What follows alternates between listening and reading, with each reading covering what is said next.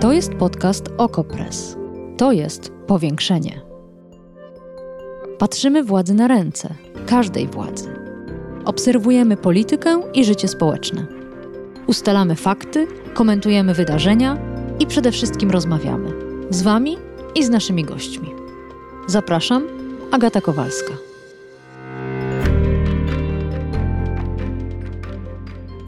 There is no fuel shortage. I repeat, there is no fuel shortage. Tak krzyczała na Twitterze brytyjska minister kultury. Wiceminister transportu powtarzał ten sam komunikat, dodając do niego jeszcze kilka wykrzykników.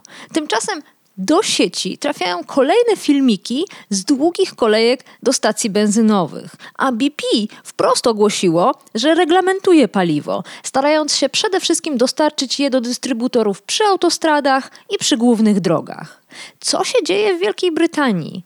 To sprawdzimy dzisiaj w powiększeniu. Zapraszam.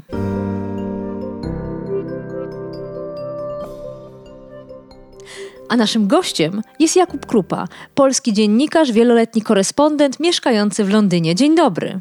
Dzień dobry. No to zacznijmy od tych relacji. Poprosiłam też słuchaczy powiększenia, tych mieszkających w Wielkiej Brytanii, żeby napisali, co się dzieje i czy rzeczywiście te relacje są prawdziwe i tak dramatyczne. Pan Grek napisał: W sklepach puste półki to norma, przestałem na nie zwracać uwagę. Nie dotyczy to tylko sklepów spożywczych. Widziałem, jak w niektórych odzieżówkach wolne miejsca zapełniane są nadmiarem ciuchów tych, których mają więcej. Przejeżdżałem właśnie koło trzech stacji paliw. Każda z kolejką aut, których normalnie nie ma. Zaczyna robić się ciekawie.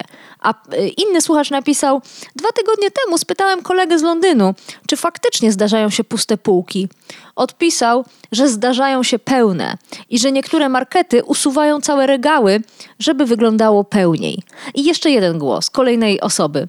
Braki towaru wynikają chyba z braku pracowników na farmach i problemu z dostawami. Chociaż większe braki były kiedy padał śnieg. Mieszka pan w Londynie. Jak to wygląda? Muszę przyznać, że albo mam wyjątkowe szczęście, ale u mnie nie wygląda aż tak dramatycznie, chociaż faktycznie e, jest pewna lista produktów, których upolowanie jest trochę większym sukcesem niż normalnie. Na przykład? To są zazwyczaj owoce, warzywa, wszystkie takie rzeczy, które wymagają, żeby trafić jak najszybciej na tą półkę. To faktycznie tam, tam zdarza się, że jeśli chcę kupić, nie wiem, winogrona, to muszę się wybrać do sklepu trzy razy, żeby upewnić się, że na pewno, na pewno je znajdę w tym sklepie. W związku z czym pod tym względem, pod tym względem faktycznie um, tego typu problemy... A od kiedy to się zaczęło? Kiedy, czy można jakoś złapać ten moment, kiedy zaczęło brakować warzyw, owoców w sklepach? Myślę, że realnie ja to zacząłem zauważyć jakieś półtora miesiąca temu mniej więcej. Mm -hmm. E, gdzie to się zaczęło robić trochę większe. Jakby to normalne jest to, że zawsze nie wszystko jest w sklepie. Jakby to też jakby przyzwyczailiśmy się do tego, że zawsze wszystko wszędzie znajdziemy, ale oczywiście to, to, to jakby jest normalne, że są pewne braki. Natomiast sytuacje, w której wchodziło się do sklepu i z normalnego wyboru, nie wiem, czterech rodzajów pomidorów był jeden i, i to też tak y, trzy pomidory, to, to, to, to myślę, że to jest coś, co, co mm. pojawiło się mniej więcej półtora miesiąca To zaraz temu. się zastanowimy, dlaczego akurat półtora miesiąca temu, ale jeszcze przyjrzymy się e, brakom. A propos paliwa. Cytowałam ministrów, cytowałam też słuchaczy.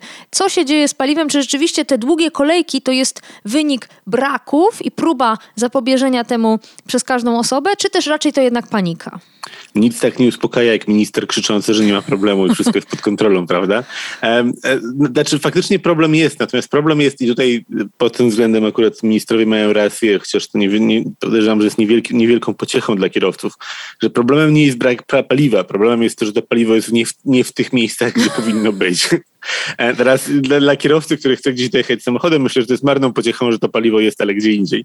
E, natomiast, natomiast to, jest, to jest fundamentalny problem, czyli to paliwo jest e, niedystrybuowane wystarczająco szybko do stacji. Mhm. Natychmiast, kiedy te problemy się pojawiły, to oczywiście masa kierowców i to widzieliśmy podobne mechanizmy psychologiczne niemalże, czy społeczne w trakcie pandemii koronawirusa, masa ludzi po prostu rzuciła na stacje benzynowe, pogłębiając ten problem. Mhm. W związku z czym faktycznie pojawiają się ludzie, którzy podjeżdżają na stację z dziesięcioma kanistrami paliwa paliwa i próbują wyciągnąć ile się da na wszelki wypadek. Natomiast tak na, na czysto praktycznie, ja jeżdżę rowerem, w związku z czym jakby mi ten problem aż tak strasznie nie dotyka, ale, ale faktycznie nawet wczoraj rozmawiałem ze znajomymi, którzy mieli jechać na wyjazd samochodem i uznali, że nie mają gwarancji, że będą mogli zatankować i dojechać bezpiecznie do innego miasta, w związku z czym pojechali pociągiem.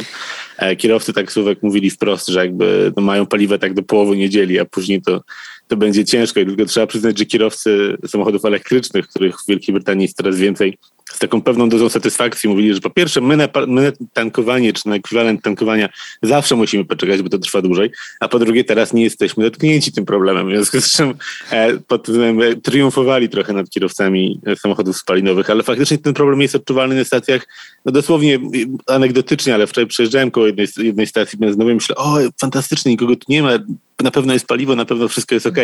A nikogo nie było, bo po prostu niczego nie było na tej stacji benzynowej, w związku z czym nie było potrzeby, że tam będzie tylko wielki znak, że nie mamy paliwa, proszę w ogóle nawet nie podjeżdżać, bo nie ma żadnego sensu. No z czym po tym ten problem, ten problem faktycznie jest trochę. Trochę się uśmiecham, a trochę jednak e, przejmuje mnie to grozą. E, porozmawiajmy o przyczynach. Wielu Brytyjczyków wskazuje, że rząd w komunikatach unika słowa na B, e, mhm. zrzucając winę na pandemię, e, kryzys ogólnoeuropejski, przerwane łańcuchy dostaw na całym świecie, brak pracowników, ale nie Brexit. Jak to jest z tymi przyczynami i czy może sytuacja jest po prostu bardziej skomplikowana i, i wszystkie te czynniki mają znaczenie? Znaczy, to na pewno tak. Na pewno mm. sytuacja jest bardziej skomplikowana i na pewno wszystkie te czynniki mają znaczenie. Natomiast to nie zmienia faktu, że słowo na B e, jest na pewno na górze tej listy, a nie na dole tej listy. Um, oczywiście, że pandemia ma znaczenie. Tutaj na przykład tak, takim prostym przykładem jest to, że te braki kierowców ciężarówek czy tirów były odczuwalne od lat i branża od lat ostrzegała, że brakuje ludzi, to się będzie tylko pogarszało, jakby trzeba coś z tym zrobić. Um, wyceniano, czy wyliczano, że to jest około 60 tysięcy osób przed pandemią. Tyle kierowców brakuje, łącznie jest około 600 tysięcy. A ja sprawdziłam jeżdżą. dla Polski dane i w Polsce mhm. Y, branża deklaruje, że brakuje około 30 tysięcy kierowców. I tutaj brytyjski rząd twierdzi, że to jest właśnie ogólnoeuropejski problem, yy, brak kierowców yy, ciężarówek, w związku z tym nie, nie można tego łączyć z Brexitem. A jednak yy, tak, tak obywatele brytyjscy i media brytyjskie y, myślą. Jaki to jest łącznik? No łącznik jest taki, że po pierwsze w normalnych czasach, czy w czasach przedbrexitowych mielibyśmy sytuację, w której te, te braki w Wielkiej Brytanii byłyby częściowo jakby związane też z tymi brakami w Polsce, w tym sensie, że ci Polacy jeździliby w Wielkiej Brytanii, jak bardzo wielu jeździło. Natomiast to, co wiemy, to to, że od 2019 roku ta liczba kierowców z Unii Europejskiej, którzy jeżdżą w Wielkiej Brytanii, spadła o 15 tysięcy osób. I to znowu możemy zgadywać, czy to jest tylko Brexit, czy to jest Brexit i pandemia, że ci ludzie wyjechali. Powodów jest pewnie milion, każda z tych historii jest pewnie indywidualna, ale na pewno Brexit się do tego przyczynił. W związku z czym mamy te 15 tysięcy, które zniknęło. Później mamy kwestie Brexitu dotyczące zmian w zasadach kabotażu i tak dalej. Polskie firmy czy inne firmy europejskie nie mogą tak łatwo wjeżdżać mhm. do Wielkiej Brytanii, wykonywać kontraktów tam, co normalnie w czasach przedbrexitowych by robiły ten brytyjski, brytyjski, te brytyjskie braki byłyby tym maskowane. Wreszcie, i to jest pewnie efekt i pandemii, i Brexitu, i wszystkiego po kolei, w normalnym roku około 70 tysięcy osób przystępuje do egzaminu, żeby zostać takim kierowcą ciężarówki tira. 40 tysięcy zdaje, w związku z czym mamy ten stały napływ nowych osób, które wchodzą do profesji. W 2020 roku, oczywiście głównie z powodu pandemii, a też nie wiemy po prostu, czy, czy nie ma elementu brexitowego pod kątem dostępnych ludzi, że tak powiem, E, łącznie przystąpiono tylko do 27 tysięcy testów, czyli tam trzy razy mniej. Mhm. Znowu to sprawia, że dopływ nowych kierowców jest mniejszy na rynek, a jednocześnie, i to już z kolei na pewno jest tylko wątek pandemiczny, no dlatego mówię, że to jest bardzo powiązane, to jest tylko wątek pandemiczny, masa kierowców tirów przerzuciła się na dostawczaki, korzystając z tego, że mieliśmy wybuch zainteresowania zakupami online, spożywczymi, dostawami wszelkiego rodzaju rzeczy do domu ze sklepów online masa ludzi uzna, po co będę jeździł po całym kraju i będę setki kilometrów od domu, skoro mogę jeździć na, w normalniejszych godzinach po okolicy, gdzie firmy, firmom brakuje kierowców, zapłacą mi bardzo porządne pieniądze, nie będę musiał przechodzić przez te wszystkie trudniejsze elementy pracy kierowcy ciężarówki. No Więc tak. w ten sposób zabrali trochę też tych kierowców, którzy rozwożą właśnie na przykład paliwo czy spożywkę po całym kraju. A y, jeszcze wracam na chwilę do głosów słuchaczy i tutaj znów pan Grek, który mieszka w mniejszej miejscowości, 100 tysięcy mieszkańców, mnóstwo turystów w lecie i pisze tak, jeśli chodzi o pracę, to u mnie prawie każda restauracja czy bar ma wywieszony znak staff wanted ostatnio widziałem takie ogłoszenia w 2005 roku. Więc to nie chodzi wyłącznie o y, kierowców ciężarówek. Oczywiście brak obsługi w restauracji też jest problemem, chociaż nie wpływa aż tak chyba na e, codzienne życie, ale jak to jest z tymi pracownikami? Czy nie ma twardych danych dotyczących tego, ile osób opuściło Wielką Brytanię y, po Brexicie? No, problem oczywiście jest taki, że nikt nie musi wypełniać formularza mówiącego, że wyjeżdżam i już nigdy do was nie wrócę. W związku z czym jakby i, i zawsze wiedzieliśmy, że te wszystkie dane o, o, ludziach, szczególnie z Unii Europejskiej, ale nie tylko, mieszkających i pracujących w Wielkiej Brytanii były mocno szacunkowe. Tak. Pamiętajmy, że kiedy doszło do Brexitu, brytyjski rząd był głęboko przekonany, że to jest około 3 milionów Europejczyków. Teraz okazuje się, że no jest tak pewnie około 5-5,5 miliona i to już po, po, po odjęciu tych, którzy w międzyczasie wyjechali. W związku z czym te, te, znowu te szacunki są strasznie trudne. Różne wyliczenia mówią o tym, że w ciągu ostatnich dwóch, trzech lat wyjechało około miliona do miliona 300 tysięcy ludzi z Unii Europejskiej, co oczywiście musi się odbić na rynku pracy. Jakby to no, nie, nie, nie ma możliwości. To właśnie są ludzie, którzy wykonywali pracę w gastronomii, w usługach, w sektorze opieki e, zdrowotnej czy, czy opieki nad osobami starszymi. W związku z czym to, są dokładnie te wszystkie branże, gdzie teraz te braki są najbardziej odczuwalne. W związku z czym to jest ten, to jest ten element, gdzie ten związek brexitowy, nawet jeśli niepoliczalny wprost, Myślę, że nie ma żadnej kontrowersji w powiedzeniu, że to jest związane z tym.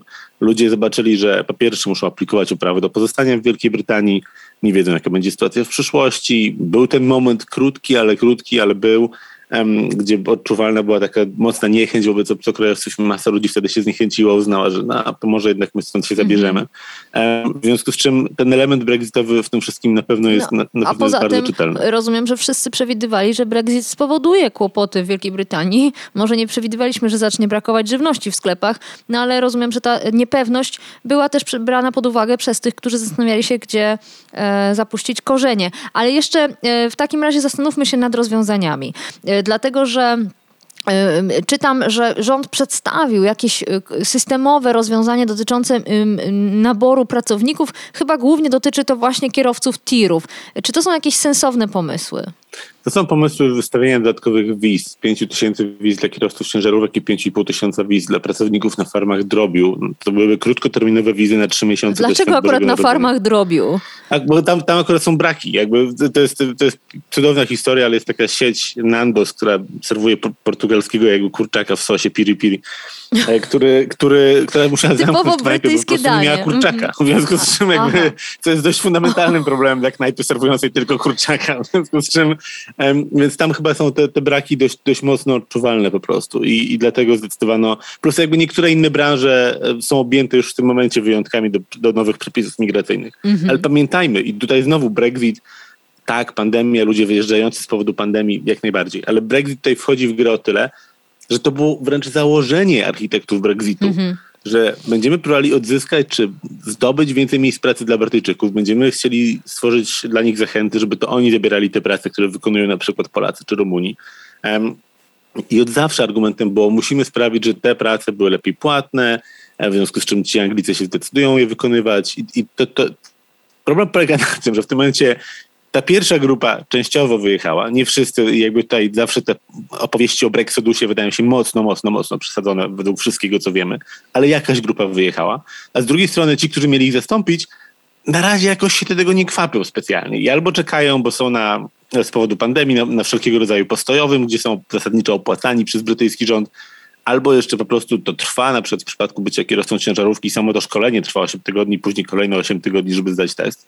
Natomiast jest ten moment, w którym, przynajmniej na pewno brytyjski rząd chciałby w to wierzyć, jest ten moment, w którym jeszcze to się nie wydarzyło, ale lada moment się wydarzy. I dlatego ta, ta decyzja o wydaniu tych nowych wiz na trzy miesiące jest o tyle zdumiewająca trochę, bo szczególnie jeśli uznamy, i co jest prawdą, że są braki kierowców na kontynencie, to teraz nie do końca wiem, dlaczego taki kierowca miałby wybrać akurat Wielką Brytanię na trzy miesiące, a nie pojechać do innego kraju w Unii Europejskiej, gdzie może mieć po pierwsze długoterminowy kontrakt, po drugie jakby znacznie większą stabilność prawną, jeśli chodzi o jego status w tym kraju i tak dalej, i tak dalej, i tak dalej. Czyli to jest rozwiązanie, ale... które może nie zadziałać, ale jednocześnie broni politycznie e, rządu, czy broni tej koncepcji Brexitu, no bo trudno, żeby wydawać teraz wizy bezterminowe, bo to byłoby wręcz odwrócenie tej idei, która kryła się za Brexitem. Więc tak, trochę no, w opozycyjna partia pracy mówiła wprost, dajmy 100 tysięcy wiz kierowcom ciężarówek, niech przyjadą, niech nas wspierają. No i jakby zwolennicy Brexitu mówią, no jakby okej, okay, ale to trochę nie o to chodziło w tym no. wszystkim, w związku z czym jakby... Lepiej żyć bez paliwa, pewnie. Wróćmy... Nie, oczywi no, oczywiście też nie, no jakby nadzieja jest taka, że uda się to rozwiązać w mm, trochę inny mm, sposób, ale mm. pamiętajmy, że i myślę, że to akurat jest jakby w miarę sensowny argument zwolenników Brexitu, którzy mówili, do tej pory zawsze było tak, że jeśli ktoś chciał przyjechać jeździć ciężarówką w Wielkiej Brytanii, to po prostu przyjeżdżał, mieszkał gdzieś tam e, z trzema innymi e, Polakami, Rumunami, czykolwiek, jak, jak, jak w tym stereotypowej opowieści brytyjskiego rządu e, i potem mógł zacząć pracę. Teraz to my mamy nad tym kontrolę i ten element posiadania kontroli nad tymi granicami, nad tym, kogo wpuszczamy, kogo dopuszczamy do rynku pracy i tak dalej, zawsze był tym takim tak. złotym gralem trochę gdzieś tam dla tego słuchaczy i słuchaczek zostawię e, to, jak wyglądają teraz żarty, również obrazki, memy e, z zdjęciami z pustych półek z Wielkiej Brytanii i wielkim napisem odzyskaliśmy kontrolę. A jeszcze wróćmy na chwilę do tego półtora miesiąca. Mówi pan, półtora miesiąca temu zaczęły się problemy. Dlaczego akurat wtedy? Ja myślę, że to jest po prostu taka perfekcyjna mieszanka wszelkiego rodzaju rzeczy dotyczących cały, cały czas zmieniających się łańcuchów dostaw, jeśli chodzi o Brexit, właśnie pandemii, przetasowań na rynku pracy. Myślę, że to jest, to jest szereg po prostu różnych elementów, które, e, które po prostu w pewnym momencie się przelały, że tak powiem i dlatego to zaczęliśmy odczuwać w tym momencie, ale trzeba przyznać, że branża czy gastronomiczna, czy branża właśnie spożywcza ostrzegało długich miesięcy, w sensie jeszcze na długo zanim cokolwiek zaczęło być realnie odczuwalne, jakby na przykład Road Haulage Association, które jest odpowiedzialne za to, jakby czy British Chamber of Commerce, mówili wprost, jakby to, jakby to nie wytrzyma, jakby to, to jest kwestia mhm. czasu, ale jakby to się nie, to się nie skończy dobrze. Um, I ja dosłownie dzisiaj przygotowując się do naszej rozmowy też czytałem właśnie ich, ich komentarze, czy ich jakieś takie oświadczenia, które były sprzed dwóch, trzech, pięciu, sześciu, dziesięciu miesięcy, które mówili jakby to jest kwestia czasu. I, I, rząd wtedy nie słuchał. I tak samo te dzisiaj ogłoszone e, środki są zasadniczo półśrodkami z tego, co branża zaproponowała miesiąc temu. W związku z czym e, to jest pewnie coś do powiedzenia na temat tego, że rząd bardzo chciał zwlekać i czekać z tą decyzją jak najpóźniej, żeby ją podjąć, no ale jednak e, koniec końców no, jest, został zmuszony do tego przez całą sytuację. Natomiast to, jak to się odbywa, też jest fascynujące, bo oprócz tego, że sami ludzie jakby zaczynają odczuwać i widzieć bezpośrednio konsekwencje Brexitu, pandemii, tak jak sobie omówiliśmy, wielu rzeczy naraz, to jednocześnie po drugiej stronie, czy na tym rynku pracownika, na przykład w przypadku kierowców e, tirów, e, średnia pensja podskoczyła z 35 do 55 tysięcy funtów rocznie.